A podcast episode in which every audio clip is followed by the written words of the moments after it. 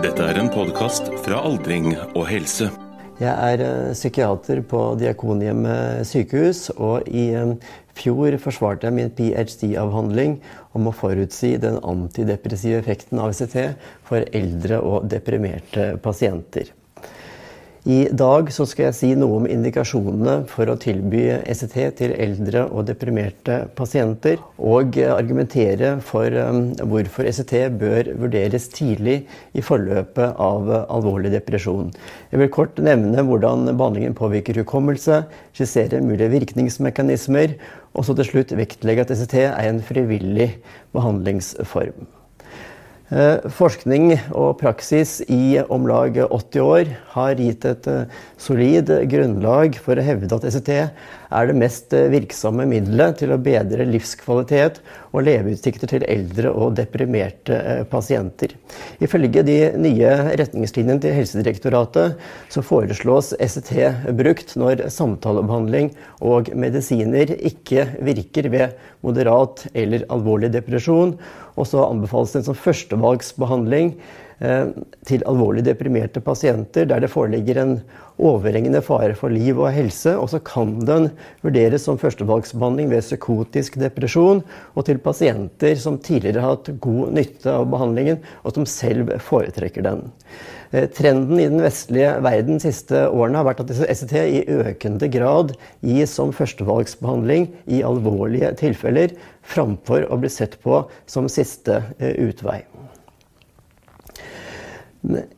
Eldre og deprimerte pasienter får langt oftere ECT enn yngre og deprimerte pasienter. Og Årsakene til det er at eldre lettere får eh, plagsomme bivirkninger av medisiner, og at eldre er mer sårbare for komplikasjonene til det å gå med depresjon over tid.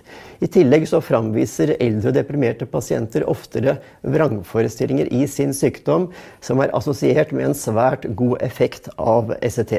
Forskningsfunn er inkonsistente når det gjelder sammenhengen mellom antidepressiv effekt og alder i seg selv.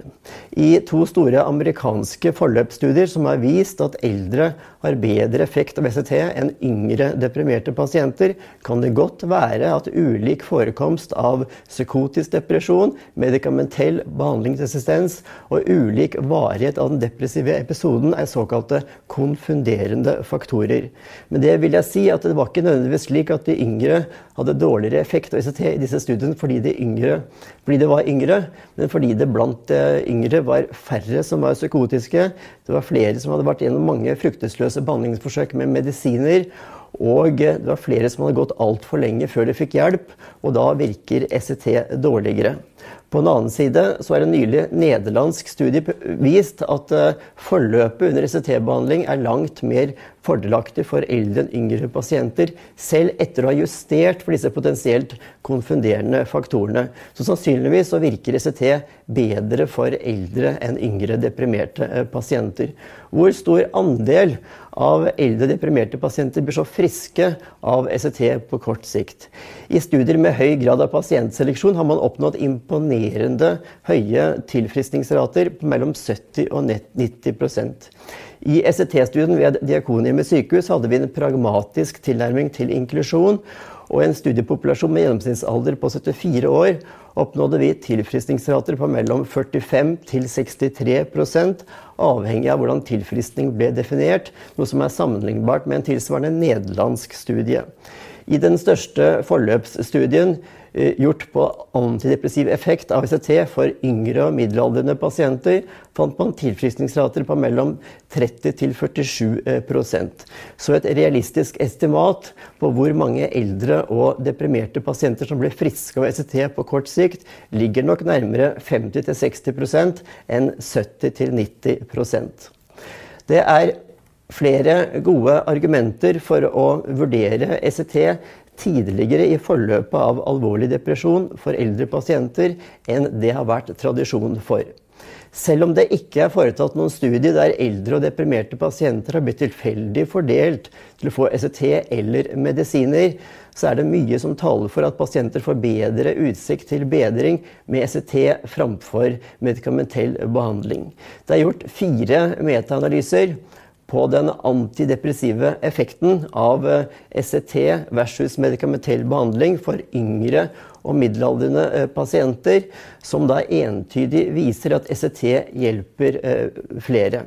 I den mest siterte eh, metaanalysen fra Storbritannia, eh, som inkluderte 18 RCT-er og i alt 1144 pasienter, fant man en effektstørrelse på eh, 0,8, eh, tilsvarende en merreduksjon i symptomscore på fem poeng blant de som fikk ECT.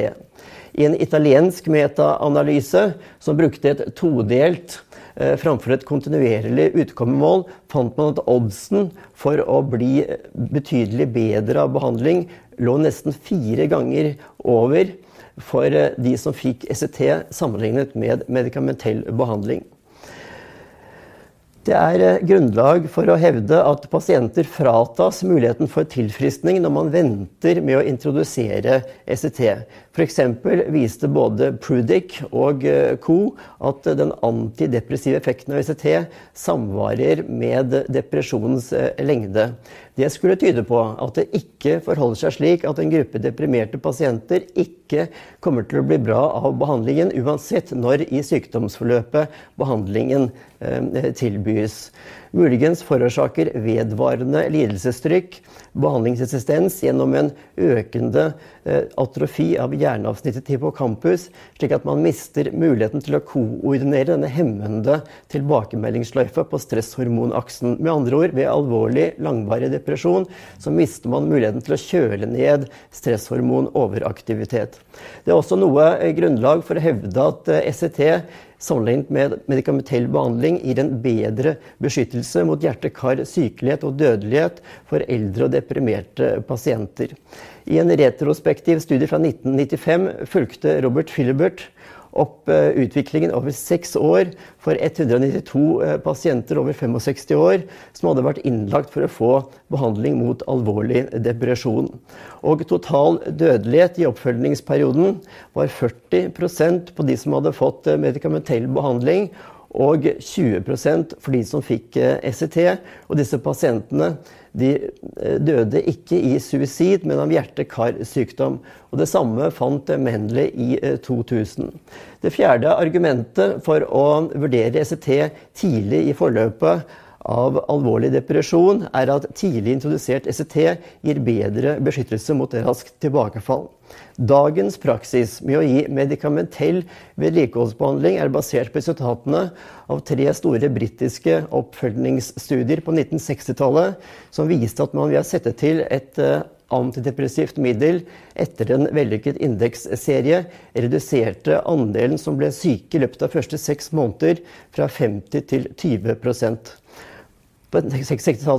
på 60-tallet var det langt mer eh, vanlig å gi ECT som førstevalgsbehandling. I 2001 og 2013 så publiserte forskergruppen til Sackheim i New York resultatene av to multisenterstudier med i alt 206 eh, pasienter, som da viste oppsiktsvekkende høye tilbakefallsandeler. Eh, blant pasienter som hadde blitt friske av ECT, og som da i en seks måneders oppfølgingsperiode ble for tilfeldig fordelt til å få enten venlafaxin eh, eller nortriptylin sammen med litium, hadde mellom 39 til 50% blitt syke igjen. Ikke 20% som 30 år tidligere. Og forfatterne antydet at denne økte tilbakefallsandelen siden 1960-tallet kunne skyldes at senere introdusert ECT gir dårligere beskyttelse mot raskt tilbakefall. Eh, plagsomme hukommelsesbivirkninger utgjør det sterkeste ankepunktet mot å vurdere ECT tidlig i forløpet av alvorlig depresjon. Det er ikke noe tvil om at disse utgjør behandlingas akilleshæl, her forsøkt eh, illustrert. I SET-studien på Diakonhjemmet sykehus var det 19% av pasientene som eh, selv opplevde svekket hukommelse mens behandlingen pågikk. På eh, gruppenivå så skåret de T-behandlede pasientene signifikant dårligere på en test som måler verbalt eh, tempo, altså et aspekt av eksekutiv funksjon, sammenlignet med friske kontroller. På individnivå så, så vi en kognitiv decline hos hele 40% spesielt på en test som måler eh, verbal korttidshukommelse. Og 11% hadde større vansker med å huske offentlige begivenheter fra siste fem år tilbake sammenlignet med hva de presterte ved baseline. Men ved tremånederskontrollen hadde inntruffet en normalisering, slik at våre konklusjon var at de kognitive bivirkningene var milde og forbigående, noe som er sammenfallende med konklusjonen til eh, i Kumars eh, nylig publiserte litteraturgjennomgang, som inkluderte 18 forløpsstudier og gjaldt 437 eh, eldre og ICT-behandlede pasientene. Muligens forholder det seg annerledes eh, når eh, depresjon kommer samtidig med demens hos eldre eh, pasienter. I Erik Audmanns oversiktsartikkel fra 2012 inkluderte han fem forløpsstudier og i alt 239 pasienter med samtidig depresjon og demens som fikk ECT. Og hans konklusjon var at ECT nok er en virkningsfull behandlingsform også i denne pasientgruppen, men at kunnskapen om risikoen for kognitive bivirkninger er svært mangelfull. Så for å oppsummere. Hensynet til å spare eldre pasienter for plagsomme, men forbigående kognitive bivirkninger, må jo da vektes opp mot at SET gir de beste odds for rask og god effekt. At uh, tidlig introdusert SET reduserer risikoen for um, utvikling av behandlingsresistens og at tidlig introdusert SET gir en bedre beskyttelse mot raskt tilbakefall, og at SET framfor medikamentell behandling sannsynligvis gir en bedre beskyttelse mot hjerte-kar, sykelighet og dødelighet. Selv om ECT er en meget virkningsfull behandlingsform, vet man ennå ikke hvorfor behandlingen virker, noe som for så vidt også er tilfellet for medikamentell behandling.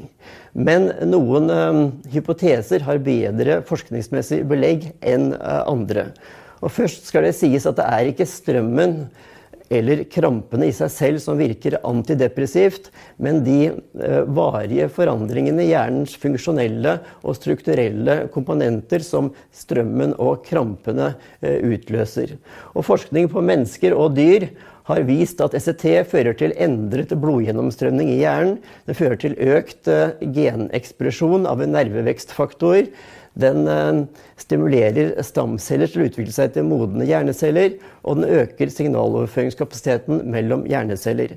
Men det har ikke latt seg gjøre å knytte disse endringene spesifikt til den antidepressive effekten av ECT. Hjernen liker verken strøm eller kramper, og til vanlig så er det en fin balanse mellom hemmende og stimulerende signalstoffer som skal forhindre en spontan og synkron depolarisering av nevroner som kunne ha ført til et krampeanfall. Og denne balansen den forrykkes under eh, STT-behandling. Hos alvorlig deprimerte pasienter finnes lave nivåer av både stimulerende og hemmende signalstoffer.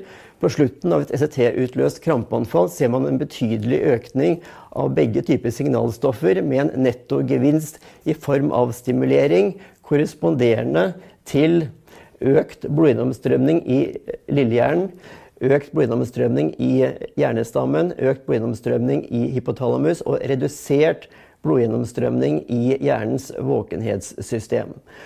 Og det er også holdepunktet for at ECT fører til økt aktivitet i en nervebane som går fra lillehjernen inn til midthjernen og som fører til økt utsondring av hemmende signalstoffer, som da gjør at man kan stoppe et eh, krampeanfall. Dette fører til da en reduksjon av vegetative symptomer på depresjon, jf. økt blodgjennomstrømning i hypotalamus, men også til desorientering og hukommelsesvansker, jf. redusert blodgjennomstrømning i hjernens våkenhetssystem. Det er også holdepunkter for at ECT fører til en normalisering av denne hyperaktive stresshormonaksen som man ser med alvorlig depresjon. Og det, eh, En mulig forklaring på det kan være en nervevekstfaktor-mediert reversering av hippocampusskade, slik at man gjenvinner kontrollen med eh, stresshormonene. Så for å oppsummere, ECT synes å virke over flere nivåer. Fra nervebane til det enkelte hjernecelle og molekyl. Men så mangler man en helhetlig modell som kan integrere funn fra ulike forskningsmessige tilnærminger. Men mye taler for at ECT virker ved å hjelpe hjernen til å hjelpe seg selv. At den da stimulerer hjernens egne reparative evne og dermed da reparere skade forårsaket av eh, depresjon. ECT er en frivillig behandlingsform som er basert på at en pasient som kan samtykke, takker ja til behandlingen etter å ha fått utførlig informasjon om fordeler og ulemper av ulike behandlingsalternativer. Og så fører man da pasientens uh, muntlig uttrykte samtykke inn i pasientens journal sammen med innholdet i uh, forberedende og informerende samtaler, der også pårørende er til stede. Og i det nye retningslinjen for Helsedirektoratet så anbefales det sterkt at det også foreligger et skriftlig uh, samtykke. ECT kan kun gjøres mot pasientens vilje når det er indikasjon for nødrett, som da eh, fratar legebehandler straffansvar for å påføre pasienten tvungen ECT på vitale indikasjoner. Dette er snakk om en pasient som kommer til å dø av dehydrering og avmagring hvis vedkommende ikke får ECT. Eh, e og ulikt da eh, i Sverige og Danmark, så er det i Norge ikke hjem ikke mulighet for å hjemle tvungen ECT innenfor psykisk helsevernloven. Så for å oppsummere. Eh, plagsomme hukommelsesbivirkninger, som for de fleste pasienters del er milde og forbigående, må vektes opp mot at ECT er den eh, eh, raskeste og mest effektive, og for de eldre pasienters del den tryggeste måten å behandle alvorlig depresjon på.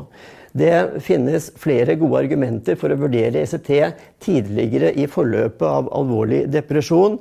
Men skal man lykkes med å hjelpe en pasient med et intenst depressivt lidelsestrykk ut av sin sykdom med ECT, ja, så må behandlingen kombineres med eh, sosialt stimulerende og fysikalsk medisinsk stimulerende tiltak og tilbud om samtalebehandling.